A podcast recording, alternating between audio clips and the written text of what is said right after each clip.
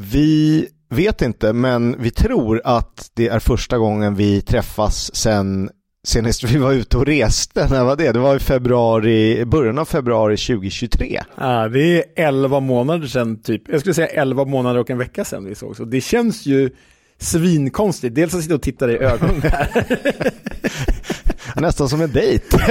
alltså så här, man har suttit och chattat i 11 månader och så äntligen får vi prata om Luke Handel som lämnar för, för Plymouth, Plymouth. Men dels det är jävligt konstigt och dels är det så här, jag vet inte, det är bara en overklig känsla givet att man pratar med dig, alltså vi skriver ju på riktigt till varandra fem dagar i veckan. Det är väl då i, i chatten, inklusive Kevin då. Ja, de få gånger vi inte skriver det är när vi typ är ute och reser med våra respektive familjer. Fast då skriver vi också för att vi ofta kollar fotboll i något sammanhang. Så då skickar vi bilder eller klipp från de fotbollsmatcher. Eh, men, ja, det känns jättekonstigt. Ja, roligt är det framförallt. Bra konstigt. Bra konstigt. Vi brukar börja med att prata om resan och vi har väl nöjet att säga att resan i nuläget är slutsåld. Ja, det är helt sjukt alltså. Det, ehm, eh, där har vi ju levlat upp. Eh, det var en väldigt bra resa förra året. Den var inte slutsåld, det var folk med oss, men den här är slutsåld. Det finns faktiskt möjlighet att öppna upp för fler resenärer i sista stund om man är sugen på det. Och bara för att liksom sälja in den här kakan ordentligt en sista gång. Så Leeds Leicester har vi sagt tusen gånger nu. Nu är spelschemat utbrutet. Så det som ligger i potten är fredagsmatch, Leeds Leicester. Lördagsmatch, här väljer man om själv man vill följa med eller inte. Men Blackburn Norwich söndagsmatch, ja det blir ju Premier League, men ett väldigt passande Premier League-möte för det är ändå Championship-aura över det. Wolverhampton mot Sheffield United. Ja, det är, det är right up our alley. Eh, ja. Och fantastiskt roligt med Blackburn med Leopold Wahlstedt i mål då på, på lördag mot Norwich. Exakt. Eh, möjligt toppmöte, fast det är det ju inte. Så är ni intresserade av att liksom försöka dyrka upp någon av dem, en extra plats eller två till den här resan, så kontakta oss på våra sociala medier, EFL-podden, eller kontakta nickes.com. Det är ju de vi gör den här resan i Adressen är sales at nickes.com tror jag om man vill ha snabba svar och så nämner man att EFL-podden har en resa. Ja. Mm.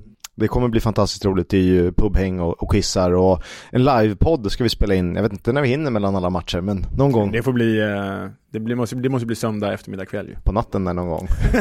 men bra. Eh, fattar du, fredagsmatch på Elland Road?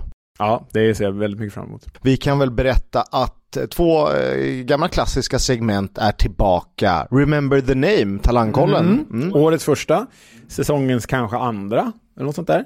Uh, ja, jag tror att vi är uppe på 3-4 ändå. Ja, det är så. Jag minns inte exakt vilka jag gjorde, men det var ett par härliga herrar. Ja. Uh, Archie Gray gjorde väl jag. Archie Gray gjorde du definitivt.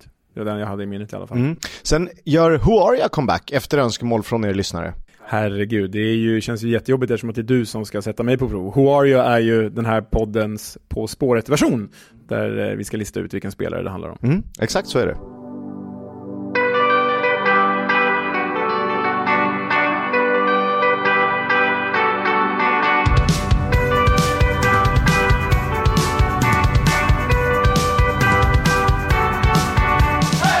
Du lyssnar på Football's Coming Home, en podcast om Championship, League 1 och League 2 och lite FA-cupen ibland. Jag heter Oskar Kisk och såklart med mig, äntligen framför mig. Ja, Leonard Jägersjö Welander. Jag måste bara säga att eh, Kisk sitter ju mitt emot mig här med en dator med lite klistermärken på sig. Det är ett klistermärke jag fastnar för. Det är FC Jaro från Finland har det mitt på, på datorn. FF Jaro? FF Jaro ja, kanske. Från Jakobstad. ja. eh, svensk trakter är det ju mm. för er som kan er finska geografi. Eh, min gamla kollega Viktor Enbacka som eh, var snäll och skänkte mig det och så hittade jag den och väska tänkte jag, fasen det är snyggt där bland eh, lite blåblått och Fotbolls Coming Home och något sponsrat av frugan, någonting jag inte har koll på. det är bra. Min är tyvärr helt identitetslös eftersom att det är jobbdatorn. Hemma har jag dock Roma och Palermo på min privata dator. Palermo, det är fint. Oh, vi måste leta stickers i, i um i England, i Yorkshire. Ja, ja, det ska verkligen. bli fantastiskt roligt. Med oss har vi också en Wolverhampton-tröja som hänger på en TV här. George Elokobi på ryggen. Mer om det eh, lite senare i dagens avsnitt. Såklart, ganska snart. Vi kommer riva av FA-cupen relativt snabbt, eh, men ge er det viktigaste och det ni kanske har missat. Eh, det blev eh, tyvärr eh, sorti för Victor Johansson som vaktade målet för Rotherham borta mot Fulham. De gjorde en jättebra match, eh, men föll med 1-0, så tufft resultat där. Tufft resultat mot ett Fulham som ändå hade en halv ordinarie startelva skulle jag säga. Men Victor Johansson fick bra betyg, höll nere siffrorna, för det var ju det det handlade om, att liksom hålla nere siffrorna här. Så ändå bra gjort Victor. Varje gång jag söker Victor Johansson på Twitter, eller X som det numera heter, så är det så här, how the hell does he play for us? He's the best keeper we ever had. Så att ja. um, de gillar honom i Rotherham. Ja, men det känns ju som att om han inte går nu så går han ju i sommar. Och det bör han väl gå. Vi kan väl hoppas att han håller sig i divisionen. Typ ett Norwich eller Middlesbrough eller något. Mm, varför inte? Wimbledon spelade 1-3 mot eh, vårt kära gäng Ipswich som startade utan bland andra Burns, Chaplin och Luongo. Liten rotation där från town. Ja, liten rotation. Det har de ju råd med. Wimbledon är väl nere i League 2 numera. Eh, så det kunde de kosta på sig. Sarmiento debuterade från bänken i Ipswich, men eh, Ipswich var ju klart bättre här trots att de eh, roterade rejält. Japp, dock första segern på sex matcher. De är alltjämt eh, segerlösa i fem raka i ligaspelet. Mm. På tal om George Elokobi, hans Maidstone United besegrade Stevenage mot eh, med 1-0. Det var ju den här omgångens riktigt stora giant killing. Maidstone är ju i non-League fotboll. Ja, motsvarande sjätte divisionen slår alltså ut Stevenage, men det var ett succélag i League One. Steve Evans Stevenage, som är på väg upp möjligtvis. Ja, exakt. Och grejen med varför vi fastnat vid det här, förutom att det är en stor skräll, det är att just George Elokobi är en sån sanslös profil. Så av någon anledning, när han spelade i Premier League typ 2010-2011 med Wolverhampton så köpte jag en Wolves-tröja med Elokobi på ryggen. Men du har inte sett Wolves på plats eller? Nej. Inte, Nej. inte. Ja, du, det... får ju, du får anledning att göra det nu så kan du säga att den är från den tillfället. Och jag vet inte om du kommer ihåg Elokobi, kommer du ihåg hur han ser ut? Ja, alltså ja, det gör man ju. Han var ju liksom vänsterback i ett väldigt risigt Wolves, de åkte ju ur, det var ju så Roger Johnson och Chris Berra Wolves och Mick McCarthys Wolves var det ju. Eh, men George Elokobi var ju vänsterback i detta Wolves och han fick ju, kommer du ihåg Adama Traoré, den här stora Alltså jäkla... riktiga insmorda Adama Traoré. Ja, George Elokobi får ju Adama Traoré att se liten ut. alltså, det var ju ett jäkla muskelpaket. Men nu är han då tränare i Maidstone och inför matchen mot Stevenage, det var liksom historiskt att han ens tog Maidstone så här långt i FA-cupen, så inför matchen eh, var han till och med tårögd och pratade om sin bortgångne far och sådär och en tuff uppväxt. Och det lät lite så här. It was emotional, it was quite emotional. So the emotion there was to see the boy that left, um, uh, sorry I get emotional. Wowza. Yeah. Wowza. You do wear your heart on your sleeve. You've done an amazing job here. Yeah, it was to see. Give me a sec. Come here for a cuddle.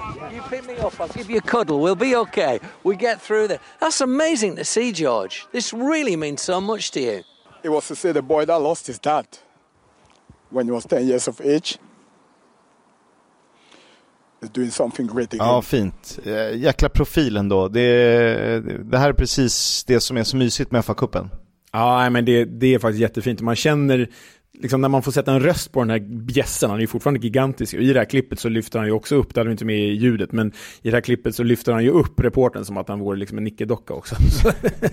men eh, efter matchen så hoppades han ju då på sitt kära Wolverhampton i, i lottningen. Och det tycker jag vi kan lyssna på också. Hopefully, Wolverhampton Wanderers, bring it on. Wolves, I want to bring my babies home. I want to bring my players back to the Molineux, the Golden Palace. If we can get the Wolves, that'll be that'll be fantastic. But again, we're in the heart. Whoever we draw, we're gonna respect them, and it's gonna be a deserved tie for us. And at the same time, we have to enjoy this moment. It's history. Nu blir det inte Wolfskisk, det blir ju Ipswich istället. Men eh, han verkar jävligt fin, eller Kobe. Ja, det gör han. Kul. Eh, FA-cupen är jäkligt fin och det är lite så här, man, man glömmer bort den när vi börjar mm, ja, se Liverpool, City, Arsenal, eh, ja, Tottenham går ju aldrig till någon final och vinner absolut inte. Men den typen av storlag som eh, möts i semifinaler och finaler, då är det så jäkla härligt eh, här första helgen i januari och få se lite riktig fotboll. Ja, det är ju nu FA-cupen är som bäst. Ja, liksom... många feta arenor som är du vet låga. Jag satt ah, med min svärfar och han är väldigt sportintresserad, liksom inte överdrivet så här, frälst som jag är av engelsk fotboll. Men han var också så här, han satt stilla och kollade verkligen på alla häftiga arenor. För Eh, nu visades det här Soccer Saturday, eller Super Saturday, när de kör Instant Highlights feed. Så att du får se highlights hela tiden, vilket jävla sätt att, att följa det. Ja, Bara ett tips för nästa omgång. Red Zone liksom motsvarande. Exakt, helt otroligt. Eh, Coventry Oxford 6-2. Eh, ett ganska starkt Coventry för dagen där Casey Palmer gjorde wow. Ja, det var en riktig pangträff. Jag tror att du eh, retweetade den här på vårt eh, Twitterkonto, vägrar säga X. Eh, så nej, men Coventry verkar väl satsa på det här som att de knappt roterade laget. Eh, nej, jag undrar om de, alltså nu har de hittat ett bra flow. Jag undrar om det är värt att riskera lite trötta ben för att behålla en god stämning i laget. Ja, precis. Och nu liksom... får de ändå vila typ en vecka. Ja, exakt. Och Coventry, jag säger det, nu är det här FA-cupen, men topp 6, de kommer alltså. Jag lovar dig. Det som talar för dem, om vi bara pausar kort vid dem, det är ju att de har laget. Eh, på andra sätt än vad jag tycker kanske att Hull och Sunderland som är lite mer beroende av enskilda starka prestationer än vad Coventry är. Ja, ja, exakt. Och de har ju liksom, så fort de sätter det där målskyttet så då är det ju samma lag som förra året egentligen. Så eh, nej, jag tror på Coventry in the long run. Det vet vi. Eh, vi tror på derbyn. Här behöver vi inte krysta till det med något randigt. Men det var ju för jävligt att se Sunderland Newcastle. För alltså tröjorna, jag såg att Gusten Dahlin skrev om det. Jag tänkte det i typ samma minut. Jag ser inte skillnad. Jag är 36 nej. år, låt mig vara. Jag behöver inte glasögonen. men jag behöver olika, spela med bortatröjor. Nej, det var ju faktiskt helt sjukt. Svartvitrandigt mot rödvitrandigt. Det var ju, nej, det var riktigt obehagligt. Olika färger på shortsen väl, men det är inte där man tittar riktigt liksom. Nu ska vi vi se. Eh, Sunderland hade svarta shorts. Ja. Så att eh, vit, rödvitrandigt svarta shorts mm. och sen svartvitrandigt vita shorts. Vita alltså shorts, ni hör ju. Det, Nej, ju... Det, det, blev, det var ju kaos. Och det var ju faktiskt mer kaos. För inför den här matchen så var ju något jävla snille i Sunderland som hade fått för sig att välkomna Newcastle-fansen till Sunderland. Alltså det här är första gången på hur många år de möts. De har väl inte mötts sedan 2020 va, i Premier League? Eller? Kan det vara ja, det? Nej. Det är något sånt tror jag, 2019. Ja, där i krokarna. Ja. Men det är typ fem år sedan tror jag det Värsta tänkbara rivaler, de hatar ju varandra hur mycket som helst där. Eh, och då är det något snille i Sunderland som får för sig att de ska klä klubbens pub, alltså arenapubben i Newcastle-färger. Det är väl någon form av VIP-bar, där jag antar att man har access både som Sunderland och Newcastle-supporter. Ja, och liksom, det, det, är en god tanke så här, nu ska vi vara liksom lite förbrödrande och så, men det blir ju helt fel när det här spred sig till hela Sunderland-community att bara vad i helvete, det här är vår första derby på si och så många år. Det här är de värsta personerna vi vet, värsta klubben vi vet. Och ni välkomnar dem i deras färger i vår bar. Ja, det är fan, de fick göra avbön där ganska fort ju. Ja, men det är ju, eh, det är inget annat än pinsamt. Nej, det är faktiskt pinsamt. Jag pratade med Tobias Karlsson här som är, vi nämnt tidigare, som är ju Sandlands supporter och jobbar här på TV4. Han hade ju hört från sina vänner på plats att eh, det var ju helt kaos även dagen. Biljettsystemet eh, kajkade ju ur och det var långa köer utanför. Så stökigt eh, inför derbyt. Man har inte riktigt varit vana vid det. Eh, Middlesbrough-derbyt är inte samma sak, eh, tycker jag i alla fall. Det Nej. kanske någon annan tycker. Nej. De försökte lite Sandra, men det var så här krystat som att så här, okej okay, vi är jätte, jättemycket sämre för att eh, skillnaden har aldrig varit så här stor. Men det blev lite pinsamt, så här, det är någon sen eh, tackling och Luke O'Nine försöker väl på något sätt med några lite hetsiga eh, grejer. Men det är inte riktigt så att det sätter sig. Nej, nej, och det blir, det blir ju till slut 0-3 också. Eh, svensk mål, det är väl... Eh... 0-2 från Isak va? Ja, exakt. Det är väl kul om man gillar det, men i det här fallet så var det ju riktig fotboll mot en Saudi-ägd klubb. Så... Hela England höll väl på Sunderland här tror jag. Ja, så var det. Förutom Newcastle då, obviously. Eh, Millwall, Leicester slutade 2-3, positivt i Millwall-läger. Sen Fleming noterades för 1 plus 1. Mm. Mm. Eh, positivt för Leicester var, förutom att de vann, det var ju att Cesare Casadei gjorde 1 plus 1 och de roterade faktiskt väldigt eh, friskt, eh, Leicester, och vinner ändå. 19-årig mittbacken Ben Nelson fick göra startdebut. Vi kommer nämna några sådana där debuter och unga spelare som vi tycker är kul eh, fastna vid, så eh, lägg namnet på minnet. Men det var ju nästan en hel startelva som, eh, som byttes ut här. Stoke Brighton 2-4 blev första förlusten för Steven Schumacher vid Potters rodret. Ja, och eh, vår poddbekanting Jao Pedro, matchvinnare, brassen som var i Watford, numera i Brighton, som De Serbi tydligen inte hade Nej, han sa det, att eh, när han väl värvades, och det var ju typ 25-30 miljoner pund tror jag, något ja, sånt ja. de för dem. Då hade han inte koll på honom som spelare och sa, tackade nu styrelsen och ledningen att eh, tack för att ni värvade honom, han verkar ju skitbra. Han har gjort jättemycket poäng, lite i skymundan också. Ja, för han har inte startat hela tiden heller. Och i skymundan av Kaoru Mitoma då förstås, som är den stora rubrikspelaren och i Brighton. Och typ De Serbi som känns som att han drar all uppmärksamhet till sig i det där Brighton. Ja. 1-1 slutade matchen mellan Norwich och Bristol Rovers och det var en Tottenham Legend, Grant Ward, med kvitteringen för Bristol Rovers tidigare också i Ipswich och Blackpool. Nu måste du berätta för mig, vad, vad är liksom kopplingen till Tottenham? För Grant Ward för mig låter ju som en 90-talsspelare, det förstår jag att det inte är, men det är ett sånt klassiskt 90-talsnamn. Liksom. Han är en i en ganska fin, liksom, generation om vi talar över tio år som är fostrad i Tottenhams akademi. Ganska många spelare som fyller lag i League One och Championship eh, som en gång har spelat i Tottenham Academy. Mm. Mm. Stort. Norwich eh, imponerade ju inte här och det är ju som sagt alltså Bristol Rovers som tappar poäng på mot inte Bristol City, så det är ju svagt. Det är svagt. Det börjar bli dags för Wagner nu. Nu svänger pendeln förhoppningsvis igen. svänger fort kring honom. Southampton besegrade Walsall planenligt 4-0. Det som stack ut mest var Ryan Fraser 2 plus 1 i den matchen. 19 matcher utan förlust för The Saints. Eh, dessvärre så höll ju Joe Lamley nollan. Förstå vad så djupt insnöad i den här serien att man tycker så illa om en spelare för att han håller nollan. han går emot min tes här, han spelar för bra lag. Jag vet inte om du såg det, men Andreas Georgsson skrev ju till mig, eh, nej det kan du inte sett för det var ju han DMade mig. Eh, angående vår eh, ranking där på, det var häromdagen, på våra topp 10 rankings. Han tyckte vi var citat galna som inte hade med Gavin Basunu på topp 10 och eh, vad heter han, mittbacken i Southampton? Inte, inte Harwood Bellis utan andra. Den andra Bednarek. Be, precis, Bednarek. Eh, Bednarek kan jag köpa, men siffrorna talar verkligen mot Gavin Basunu. Ja, till honom också. Ja, jag vet inte. Sen är det, så här, det är klart han blir färgad och alla som har skrivit det så här, hur kan ni inte ha med de här? Och jag fattar, man vill alltid trycka in, det är som när du ser en lista, ah, hur kan inte Harry Kane vara på den? Till exempel när han spelade i Spurs. Ja. Men det är så, man blir färgad. Men kul att han eh, är med, Georgsson. Ja, ja, ja, verkligen. Eh, 17-årige Sam Amo Ameyav eh, startade på ena kanten. Han blev ju förra säsongen eh, Southamptons yngste spelare någonsin, 16 år 314 dagar, när han fick debutera i Premier League. Då ska man alltså komma ihåg att han då är yngre än vad Walcott var och vad Gareth Bale var. Ja, enligt vad det stod, ja. Det känns som Walcott var typ 15. Nej, men han var 16 också. Ja, ja då klarar han det med dagar då, antar jag. Ja, också debut för 18-årige Cameron Bragg. Mm. Värt att hålla koll på.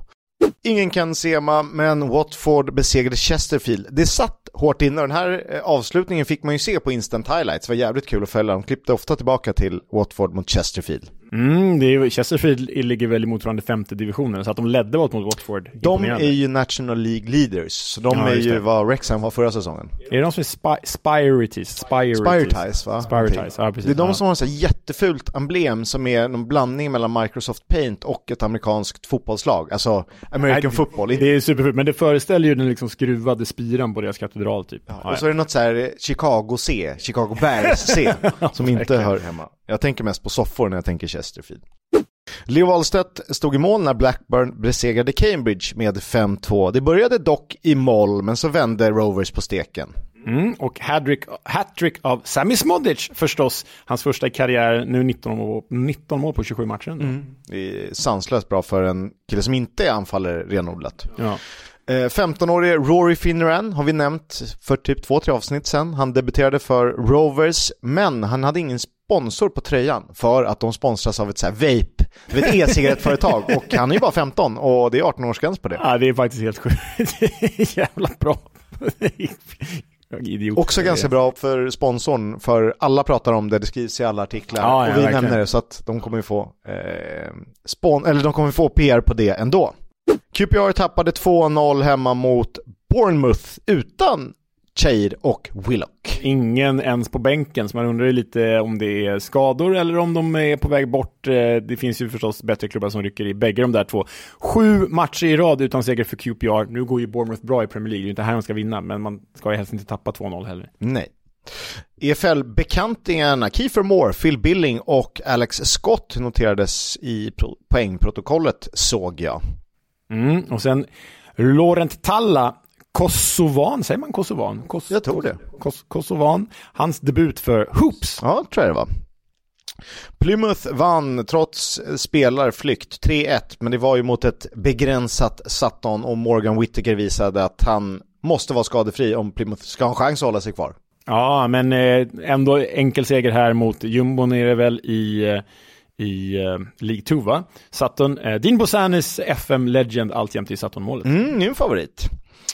Jag såg delar av matchen mellan Hull och Birmingham som ju var Blues första match utan Wayne Rooney vid rodret. 1-1 slutade den. Mm, det är klart att de tar poäng när han äntligen är borta. Liksom. Det blir extra tungt för Rooney och sonen Kai Rooney och hela grejen. Hall roterade rejält, ska ju sägas, så det är kanske inte så konstigt att de eh, tappade poäng faktiskt. Nej, de behöver ju fokusera mer på att nå en playoff-plats och eh, jag vill minnas att jag pratade om att man skulle gardera den här och inte gå för hårt på Hall-sidan i Stryktipsspaningen. Mm. Sheffield Wednesday, vårt kära Sheffield Wednesday. 4-0 mot Cardiff. Danny Röhlbåten sitter vi tryggt i. Det är väldigt tryggt i. Den här såg jag faktiskt första halvlek av. Eh, sex minuter in så ledde Wednesday med 1-0 och hade räddat två straffar. Ja. Alltså det var en jävla rivstart här. Då ska man säga att Cameron Dawson, som vi ändå varit lite tveksamma till, har nu tagit sju av de tio senaste straffarna han fått mot sig. Han är ju bättre än Davis Vasquez i alla fall och jag fattar varför han var typ femte slips i Milan och bara ja ja, ni kan nå honom. Verkligen. Eh, men Wednesday var ju, eh, första tio minuterna var de inte bättre, sen blev de bättre. Mm. Ja men de, eh, fastän det är lite underhållande, det känns som en fotboll som passar Hillsborough ett gammalt The Owls. Ja. Liam Palmer gjorde mål här, snyggt mål var det. Eh, har blivit lite min favorit om jag får välja någon i det här laget. Trotjänare, skotte, härlig ja. karaktär. Ja, ja, men verkligen. Cardiff med siffrorna totalt och 22-12 i skott. 9-6 på mål. Mm. Eh, starkt att göra fyra mål på nio, eller fyra mål på sex skott på mål. Mm. Mm. Middlesbrough eh, gick det ju bra för senare, men de spelade 0-1 mot Aston Villa. Det är ett bra, alltså det är ett starkt resultat. Ja, men Givet att de hade tankarna på annat håll. Ja, tankarna på annat håll och sen borde det ju kanske ha slutat typ 0-4 för Tom Glover höll ju Boro kvar i matchen. Målvakten. Ska säga att jag hade ju kryss 2 på den här poképongen. Eh, fick faktiskt 13 rätt för andra gången i mitt liv. Men eh, det var ganska låg utdelning. När det gick från kryss till tvåa så förlorade jag typ 6 eller 7 tusen kronor på det. Inte jättemycket, men så kan det vara. Matty Cash avgjorde den. Swansea Morecambe 2-0 där 17-årige Sam Parker gjorde sin blott andra start för säsongen. På andra kanten startade Yannick Bolassi när Swansea roterade laget. Han runt där. Ja. Såklart han gör. Såklart han gör. Williams Ja. första match. Ja, just det. Det ska sägas också. Bekväm seger för The Swans. Eh, det är ju tidigt in förstås, det är bara en match. Men det hävdas att man faktiskt spelade den fotboll som kallas Swansea Way. Ja, det var väl Roberto Martinez som någonstans, inte myntade uttrycket, men banade väg för en underhållande, en ändå possession-styrd fotboll.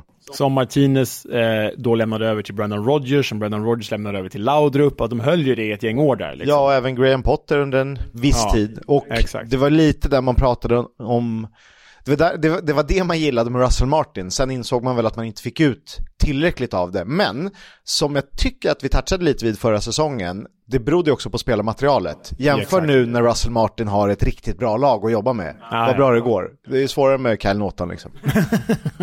Han får alltid... Det är alltid han, det är din go-to hate guy. Ja, fast jag har... Han är din Joe Lumley. Nej, det är bara så här, man, du är för dålig. Byt klubb. Eh, Tottenham Legend. Ja, verkligen. Mm. Eh, det var ju det man tappade under Michael Duff alltså. Eh, men 2-0 seger mot Morecambe.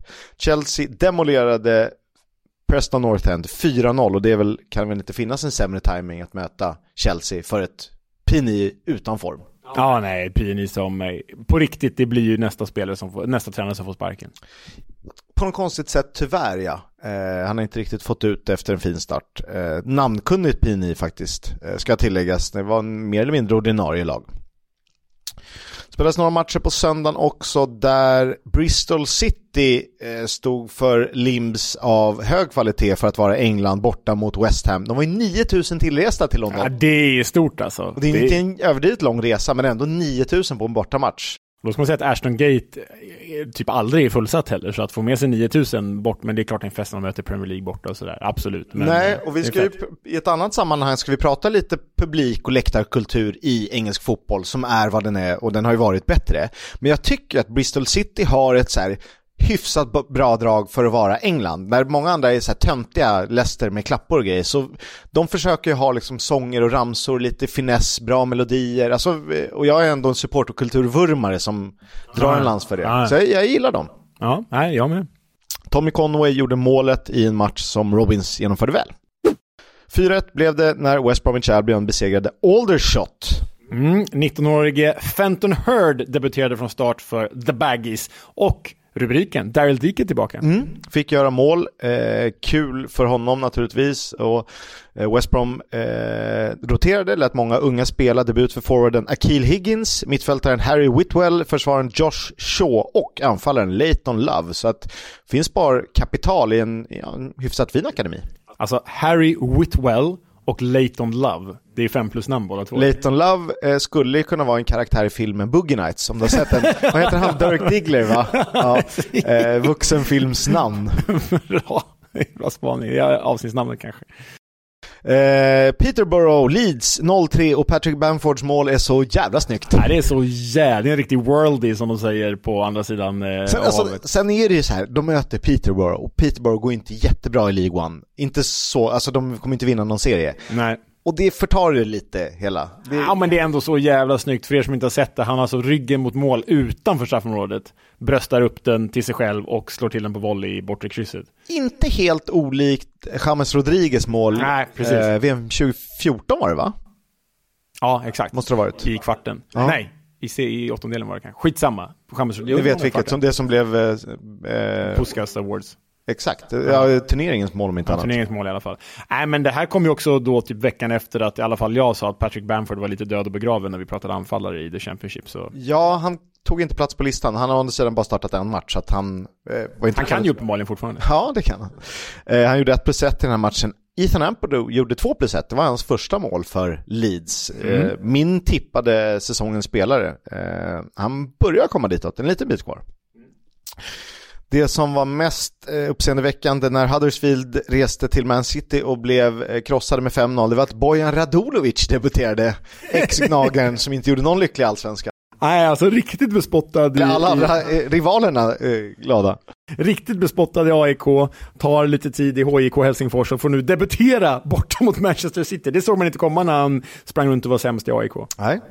Och eh, FA-cupen mer då, Blackpool eh, spelar i League One, de spelade 2-2 borta mot Nottingham Forest, så det blir returmatch där. Mm, och eh, anledningen till att vi nämner det, det är att Blackpool-tränaren Neil Critchley då passade på att dela ut en känga till Premier League-lagen, deras tränare och deras eh, klagomål på att det är så tätt matchande. I think it's such a, an achievement to to cause an upset. So if you get a second chance to do it, then we'd we'd rip your hand off for that. Um, so I can assure you, we're, we're delighted we've got a replay, and yeah, it's a busy schedule, but so what? Get on with it. We've we've sorry, I think again, like we've played. I think this is something like our 36th game this season. You know, well the Premier League teams haven't played that. They get international breaks, they get time off. We don't. Det är klart man håller med. Eh, Ja. Sen kan man ju tycka att det är för mycket matcher också, men jag tycker snarare att Nations League är ett problem mitt i säsongen än vad en fa Cup-retur är för lag som verkligen behöver både pengar och den... Nej, men liksom, den, det är som Critchley säger, returen är ju mot ett Premier League-lag. Det är ju säsongens händelse för, för en klubb som Blackpool. Och de har alltså tunnare trupp än Premier League-klubbarna och spelar fler ligamatcher. Sen visst att liksom de, Liverpool och de kan ju få spela 60 matcher på en säsong om de går långt i Champions League. Men de har ju också pengar för att ha trupper till det. Exakt. Eh, Liverpools akademilag är, är typ bättre än Blackpool. Ja, exakt. Middlesbrough besegrade Chelsea i det första av två ligacup-semifinalmöten. 1-0. Hayden Hackney. Ja, Hayden Hackney. Snyggt mål ju. Snett in ett bakåt, cut in och så bara stötta in den. Bra balja. Ehm, jag, tycker ändå, jag tror ändå att Bar har faktiskt chans att slå ut Chelsea. Eh, trots att de ska slå dem på bortaplan också. Jag tror det blir svårare för mitt kära Fulham mot Liverpool. Men den spelas ju ikväll. Fotbolls Coming Home sponsras av Stryktipset, ett spel från Svenska Spel, Sport och Casino. För dig över 18 år, stödlinjen.se. Det är 13 miljoner kronor i jackpot, det tycker vi är fantastiskt roligt. Så att eh, rekommendationen är ju att ta ut svängarna. Och det är Championship på kupongen igen. Nio matcher är det som gäller, sen är det tre matcher från League One så det är klart det blir klurigt. Mm. Inget fågelderby men väl ett toppmöte, match två mellan Ipswich och Sunderland. Tractor Boys har inte vunnit på fem matcher i ligaspelet, man är dock i, i FA-cupen nu i helgen. Eh, samtidigt har Sunderland tagit sju poäng på de tre senare och återerövrat den sista playoff-platsen som jag tycker att de är värda ändå.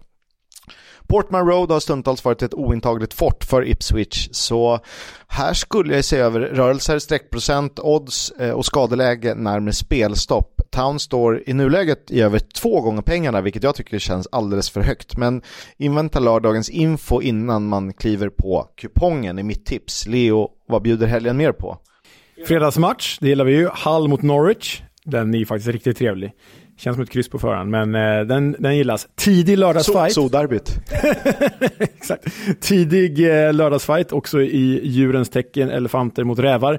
Det är ett eh, mini-midlandsderby, Coventry mot Leicester. Jädra bra match alltså. Tror, tror Coventry kan störa Det är alltså. väl M69 Derby kallas det Ja, Av, precis. På PGA motorvägen. Ja, exakt. Ska jag välja ut en lördag 16.00, då väljer jag ändå Millwall Middlesbrough, M-derbyt. Nej, det är ju ett lejonderby förstås. Det är ju... och sen har vi faktiskt söndag QPR mot Watford som ett Greater London Derby. Watford slog ju dem i premiären med 4-0. Vi får se om det blir lika enkelt den här gången. Det har skett förändringar på tränarposterna. Eh, managers ut, det har ni koll på. Nya managers då? Swansea har utsett Luke Williams som ny tränare. Han kommer närmast från Notts County. Ja, ett, ett av IFLs mer spännande namn. Jag tog upp Notts County till, tillbaka till IFL. Visserligen kanske med en lite bättre trupp och resurser än flera andra. Inte som Rexham kanske, men Luke Williams eh, verkar stå för den här Swansea-fotbollen. Positiv, flödande, offensiv fotboll. Eh, gjort det bra med Notts i League 2 ju. Och eh, framför allt så tycker jag ju att han ger ett jäkligt sympatiskt intryck måste jag säga, det lilla jag har sett honom. Mm. Det här känns eh, positivt. Eh, det tyckte jag i och för sig om Michael Duff också, men det här är mer the Swansea way. Sen är det ju frågan om de har eh, resurserna för att spela the Swansea way. Ja, det återstår ju att se. Men det finns ett klipp som har varit lite viralt, halvviralt i de här sammanhangen när han tränar Notts County. Då han får frågan om varför de bara slår korta hörnor hela tiden. Vad är det för jävla pish-posh? Varför håller ni på med det tramset? Det är journalisternas ingång i det här. Då har han en typ två och en halv minuters lång utläggning om det. Jag tycker det är värt att lyssna på hela för han är så jävla, gör på ett jävla bra sätt helt enkelt. Vi lyssnar. Okay. Right. I'm going to tell you the truth now. Okay.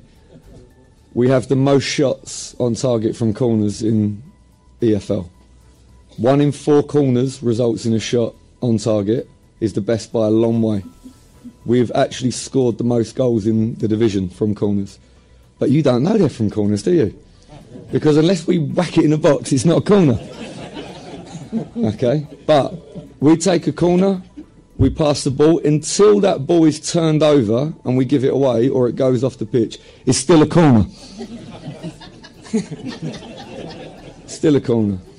Okay? And we are extremely successful at corners. I am sorry to break your hearts, but it's the truth. Because uh, I made sure we'd done the research, and of course, look, and I'm being serious now. Corners have a very low success rate across football worldwide. You know, putting the ball into the box. But of course, when somebody runs through the crowd and heads the ball and it smashes into the back of the net, we remember it. We don't remember 50 corners that just got caught by the goalkeeper, hit the side netting, headed away. We just forget.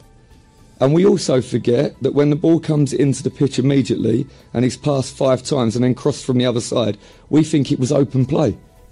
That it was just a part of the game, but it wasn't. It was from a corner. Okay? Then, when you play against Notts County, one of the issues that you have is that the ball is in play for longer than any other game in the EFL. So you will notice that the players have been instructed that they sprint. Poor little he sprints, gets the ball, puts it down, pass it immediately. So you don't get a break. Some of the defenders, many, many of the defenders, they love corners because they can have a rest. They're six foot three, so they don't want Dan Crowley running at them or Azza running behind them. They definitely don't want Macca in the box free and scoring 42 goals from open play. right? So, we take the ball, put it down, immediately pass the ball, and the defender, ah, again, Notts County. Come on, just kick it into the goalkeeper's hands so we can smash it the length of the pitch and break. No, not going to happen, I'm afraid. I'm sorry. And we kicked one last season directly into the box, and Macca scored. You know why? Because everybody was at the corner trying to stop us playing short. So I'm sorry to break everyone's hearts, but this is the reality that we are extremely successful from corners. There we go. Round of applause, I think, for that. Churchillian. Ja, intressant att höra. Här vill man ju klippa in Georgsson. Ja, verkligen. Eh, med en kommentar. Verkligen. Men eh, jag vet inte om det var Georgsson som sa det eller någon annan eh, som har koll på fasta situationer. Ibland är det bra att slå en kort hörna. Dels får du ut folk, men ja. det bryter ju också mönstret i motståndarnas huvuden att så här, nu gör vi någonting annat. För slår man tio likadana hörnor som fastnar på första gubbe, ja då, då börjar de lära sig, då kan de ställa. Men gör du något annorlunda så, så bryter du mönster. Exakt. Plymouths nya tränare heter Ian Foster, tidigare varit eh, assisterande till Steven Gerrard i Saudiarabien. Ja, det har gått sådär men ändå hyfsat bra för Gerrards assisterande runt om i olika klubbar. ja, men det är, ju, det är ju Critchley, det är Beal och nu eh, James Ian Foster då. Jag blev lite förvånad när jag såg att han var 47 år gammal. Han är ändå liksom, han är inte så, han är inte den här unga skolan längre. Men tittar man på hans karriär, han är alltså ungdomsspelare i Liverpool, varit runt i ett gäng bedrövliga klubbar, men Kidderminster, stor karriär där, över 120, över, över 160 matcher till och med. Sen har han då tränat Galway, Dundalk, England U18, England U19, England U20, varit ass till i Saudiarabien och nu Plymouth. Ja. Rolig resa. Annars blir man ju så deppig när man ser att en huvudtränare är så 37 år. Man bara, nu ska vi se hur det gick med min tränarkarriär. Just det, jag har tränat dotterns sjuåriga lag liksom. Ja, men det är ju det är prestige det med. Eh, jag kan i ärlighetens namn för lite om eh, Ian Foster, men Plymouth är ju välskött, det vet vi.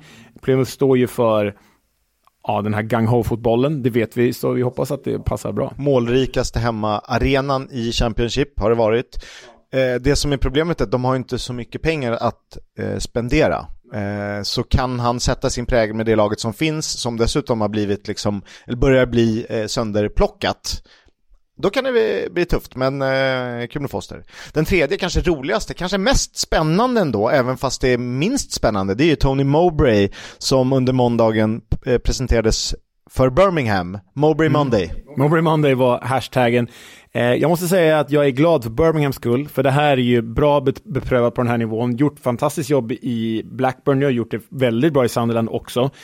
Ruskigt rutinerad, gillar, eller gillar, kan arbeta med unga spelare. Nu får han ju också resurser i Birmingham. Det var väl lite konstigt, för att jag tycker att han arbetar väldigt bra med unga i Sunderland, men en av anledningarna var att han inte ville jobba med unga i Sunderland på samma sätt. Eh, i, så att, eh, ja det blev spännande i Birmingham. Ja, men man var ju rädd för att Birmingham skulle landa i typ en Frank Lampard-figur eller, eller liksom någon, någon ny MLS-tränare. Det, här är ju, det här är ju bra, det här är ju liksom typ bästa möjliga, tycker jag. Eh, enda nackdelen är att han är en stor eh, Eh, han har ju inte stor, han är ju framförallt kopplad till Middlesbrough, men han har ju ändå en historia som West Brom, i West Brom också, och det kanske man inte gillar i Birmingham, I don't know. Nej, men det känns ju inte riktigt, alltså det känns som Birmingham och Villa är rivaler, det känns som West Brom och Villa är rivaler. Ja. Eh, och så ska du slänga in Wolves där i leken någonstans också. Exakt. Bojan Radulovic går alltså till Huddersfield från HJK Helsingfors. Tidigare AIK där han gjorde 3 mål på 29 matcher, eh, 21 mål på 32 matcher i Finland, 24 år i serb. Det säger väl kanske eh, en del om kvaliteten på, eller skillnaden i kvalitet på ligorna. Ja, eh, precis, och var Huddersfield ligger någonstans i näringskedjan. Sunderland leder jakten på Bournemouths anfallare Kiefer Moore och en återkomst med Championship vore ju ruskigt bra. Ja, perfekt för Sunderland att ha en riktig nia också så slipper de experimentera med Pritchard och eh, Bellingham. Middlesbrough värvar Finn Assas för 2 miljoner pund från Aston Villa. 7 plus 5 har han gjort hittills för Plymouth som då alltså tvingades släppa honom. Otroligt tungt tapp, nästan MVP ja. tillsammans med en Smodic-karaktär. Exakt, kan ju bli eh, säsongens tapp ur Plymouths ögon sett, kan ju bli vinterns värvning eh, för Middlesbrough. Absolut. Eh, Leeds har avslutat lånet på Jed Spence. Eh, det blev typ bara fem starter för honom, ofta som vänsterback. Det har alltså gått har gått ett och ett halvt år sedan han tog den där cigarrbilden och skickade till Neil eh, Warnock. Ja. Neil Warnock. Och sen har och var seriens bästa högerback den säsongen. Ja. Eh, nej, nu verkar han hamna i Genoa istället. Lånas ut från Tottenham, läste jag senast. Ja, men det är ändå sexigt med engelsmän i, i Italien. Eller med britter i Italien, ska jag säga. Man bor ju hellre i Genoa än någonstans i England, om jag ska vara ärlig. Det finns fördelar med det, absolut. Lewis Travis lämnar Blackburn för Ipswich på lån. Mm, och Blackburn ersätter Lewis Travis med svenskt Yasin Ayari från Coventry. Lån våren ut. Det känns ju bra för alla inblandade. Mm. Hull eh, förstärker sitt offensiva mittfält med Fabio Carvalho från Fulham. Fulham Legend. Eh, nu är han ju egentligen från Liverpool då, men ja. Han var ju Fulham Legend Han var Fulham Legend. Det är en pangvärvning ju. Jättebra. Kan det betyda att Scott Twine får röra på sig? Antagligen va? Scott Twine till Plymouth? Ja, där, den sitter ju. Finnas ersättare. Ja, det vore toppen. Sheffield Wednesday lånar målvakten James Beadle från Brighton. Beetlejuice. eh, där, eh, han är väl inte Peter Cameron Dawson just nu. Nej. Norwich har avslutat lånet på Wang Wei-Jo som återvänder till Nottingham Forest. Ashley Phillips går till Plymouth från Tottenham Rovers fos- fostrad, fostrad mittback. Leicester vill ha Sensi från Inter. Alltså, Alltså Stefano Sensi, han var ju liksom italiensk landslagsman innan han skadade sig för typ tre år sedan. Så det här är ju, det var ju bara knäppt. det är, ju, de, det är inte så att de behöver honom. Och sen då, Luke Cundle lånas ut till Stoke, har nyligen varit i Plymouth. Mm, tufft att tappa honom.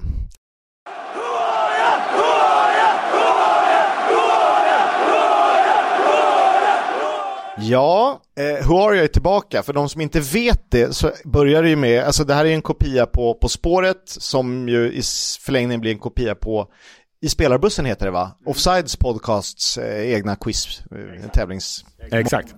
Eh, nu ska du ta mig ut på en resa där du ska ge mig ledtrådar 10 poäng, 8 poäng, 6 poäng, 4 poäng, 2 poäng. Där jag ska ta reda på vilken spelare, vilken Championship-kopplad spelare vi är ute efter. Ja, exakt. Eh, 10 poäng är, wow, svårt. 8 poäng, det kan gå med lite klur. 6 poäng, det är väl typ där någonstans vi tycker att man ska börja ta på det. Ja. Eh, och 4 poäng, då bör man ha... Fyra är räddningsblanka, två poäng är pinsamt. Ja, eh, det blir jobbigt om det blir 2 poäng. Det är jobbigt om det blir 2 poäng. Eh, är du redo? Nej.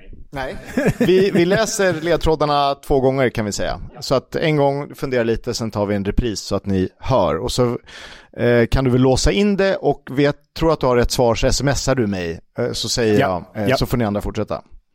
På 10 poäng då. Hur ledare? Ja, det tänker jag att vi ska komma fram till. Mittfältsgeneral i dubbel bemärkelse. Lagkapten, varken första eller vice. Oj, nej. Det vill jag höra en gång till. Ja, vi är på 10 poäng alltså, första ledtråden. Vi tar det igen. Hur ledare? Ja, det tänker jag att vi ska komma fram till. Mittfältsgeneral i dubbel bemärkelse. Lagkapten, varken första eller vice. Mhm, nej, fuck. Nej, jag är snett, ute. Nej, okej. Vi går vidare på 8 poäng. Flest lyckade tacklingar av alla mittfältare har denna doldis. Han sticker inte ut på något sätt, förutom att vara en bra spelare då. Benade vi ut var? West Midlands. Benade vi ut var? Benade vi ut var? Westmid? Åh, shit, jag var inne på Matt Grimes där ett tag, det stämmer ju inte. West Midlands betyder, behöver inte betyda att han spelar i West Midlands, han kan ju liksom komma därifrån. Nej, fan. Jag kan, vara, eh, jag kan vara schysst, eh, jag kan ta den igen. Flest lyckade tacklingar av alla mittfältare har denna doldis. Sticker inte ut på något sätt förutom att vara en bra spelare. Benade vi ut var? West Midlands. Spelar han i? Så att ändå försöka vara någorlunda schysst. Mm, nej, jag får gå till nästa. Sex poäng. Har du någon känsla för vem vår direktör är? Han är en riktig hövding. En one club man? Inte direkt, men varit i klubben hela den här poddens historia. Dessförinnan ett ligacupframträdande för Arsenal. Och hans brorsa spelar i Ross County. Du kan ju fundera lite på, eh, så att våra lyssnare inte tror att du är... Ja, det var ganska svårt, men Åh jädrar, alltså jag, nu är jag inne i eh, nu är jag inne i Coventry någonstans här. Eh, men jag får bara upp ett namn som jag inte ska säga för det tror jag är fel. Eh, jag ska inte säga för att avslöja något. Åh shit. Du, du kommer läsa den en gång till? eller jag kommer läsa den en gång till. Ja, jag kommer ju inte komma på vad han heter. Alltså, vi, ha, ja, jag lovar, vi hade med honom på vår topp 10 mittfältare. Åh fan. Ja, Okej, ja. läs den en gång till. Sex poäng då. Har du någon känsla för vem vår direktör är? En riktig hövding. Är han en one club man? Inte direkt. Men han har varit i klubben hela den här poddens historia. Dessförinnan ett ligacupframträdande för Arsenal. Hans brorsa spelar i Ross County. Jo. Eh, nu ska jag skriva ner här på sex poäng. Det var tur att det var den eh, spelaren och inte var den andra. För det namnet hade inte kommit. Leo har skickat in, låst in sitt svar. Jag kommer inte säga om det är rätt eller fel. Eh, eller gjorde vi det? Nej, du. Nej, vi fortsätter vänta, vänta. Mm. Fyra poäng. Given trots benhård konkurrens på positionen. Kanske är det för att ledaregenskaperna sitter i efternamnet. Cruyff eller Modric. Och på två poäng, Ben gång är ingen gång. Har du dechiffrerat vår spelare? Mycket bra. Coventrys nummer 14 och han heter? Ben Chief. Ja, rätt. Åh, Sex poäng ändå. Jag hade lite panik att du var ute efter ett tag efter, vad heter han andra? George? Eccles. Tack. Vi kan väl börja dra igenom. Hur ledare, Ben, hur, Chief, Ja, ledare, snyggt, Chief. snyggt, Eh, snyggt. Snyggt. Det tänker jag att vi ska komma fram till. Mittfältsgeneral är han ju i dubbel bemärkelse. Han heter Chief, han Ja. är mittfältsgeneral. Eh, han är tredje kapten eh, faktiskt. De har fem lagkaptener. Eh. Kyle McFadsin är eh, andra kapten. Jag kommer inte ihåg vem som är första. Åtta poäng då. Flest lyckade tacklingar av alla mittfältare har denna Dolis, får vi ändå kalla honom för. Eh, Mm. sticker inte ut på något sätt förutom att vara en bra spelare. Han är ingen... Han är bra på att vinna ja, boll typ och eh, hyfsad på att fördela. Benade vi ut var, West. Midlands. Mm, Där, där borde man kanske ta den ja. ja. Eh, Har du någon känsla för vem vår direktör är? Jag tänker Chief som i... Eh, Chief Executive. Ja, till exempel en riktig hövding, ett annat ord för ja, Chief även om man stavar på ett annat sätt. One Club Man, nej, han har ju varit utlånad till Coventry, han har tillhört Arsenal, eh, men har ju spelat i Coventry hela den här poddens historia. Eh, Mm. Dessförinnan ett ligacupframträdande för Arsenal. Brors, brorsan som heter Max Chief, tror jag, spelar i Ross County. Fyra poäng givet trots benhård konkurrens, ja det fattar ni väl. Eh, kanske för att ledaregenskaperna sitter i efternamnet Chief, alltså Cruyff eller Modric, ja han har nummer 14 på ryggen så får man väl välja. Eh, Modric hade ju 14 i Tottenham, Cruyff behöver jag inte berätta Nej, att han hade. han en gång, 14. ingen gång har du dechiffrerat, ja, Coventrys nummer 14. Ben Chief. Kul. Den är, så här i efterhand känner jag att jag borde tagit den på åtta, men eh, rolig. Den är bra, du är bra på de här. Ja, eh, det vi eh, kanske borde slå fast i med det här att vi håller oss till eh, aktiva spelare. Ja, för att göra det lättare. Eh, med fokus Championship, kanske League One om det kan vara så. Du får ju börja räkna eh, Ja, det här är så jävla vidrigt. vet. Man får fira nästa, man kan inte sova om nätterna. Nej, fan. Jag Kul. ska lämna, ah, det var i och för sig Leo i fokus, men jag ska lämna över ordet. Vi ska prata om någonting som heter Remember the name, det är vår egen talangkoll. Kevin, take it away med vignetten. Rooney, instant control. Fancies his chances. Oh, brilliant goal!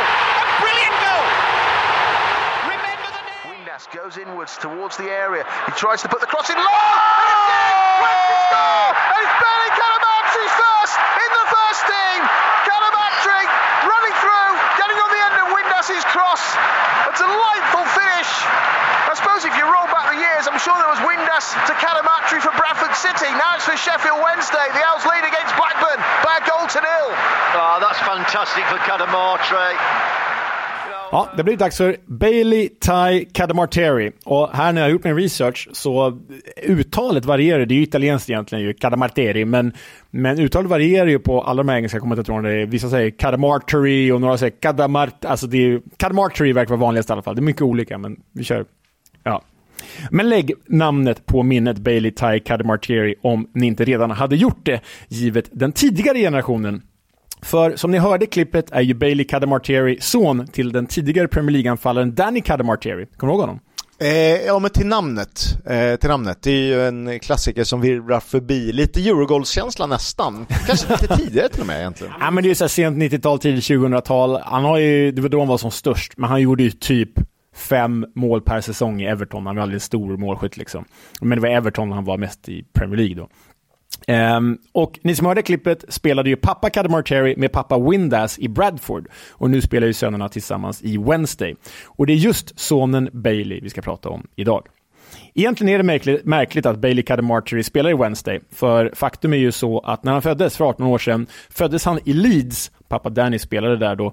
Eh, och eh, pappa Danny spelade aldrig för Wednesday, utan han spelade för rivalen Sheffield United. Så det är lite märkligt att det blir Wednesday.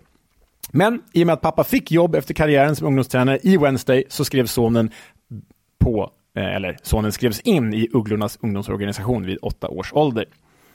Där fick han sitt stora ungdomsgenombrott när han i stort sett på egen hand såg till att vända ett 5-1 underläge till en 6-5-seger med U18-laget. Han gjorde nämligen fyra av målen i den vändningen och det var för två och ett halvt år sedan. Vad var han då? Var han typ 15-16 eller något sånt? Ja, han är väl 15 år då.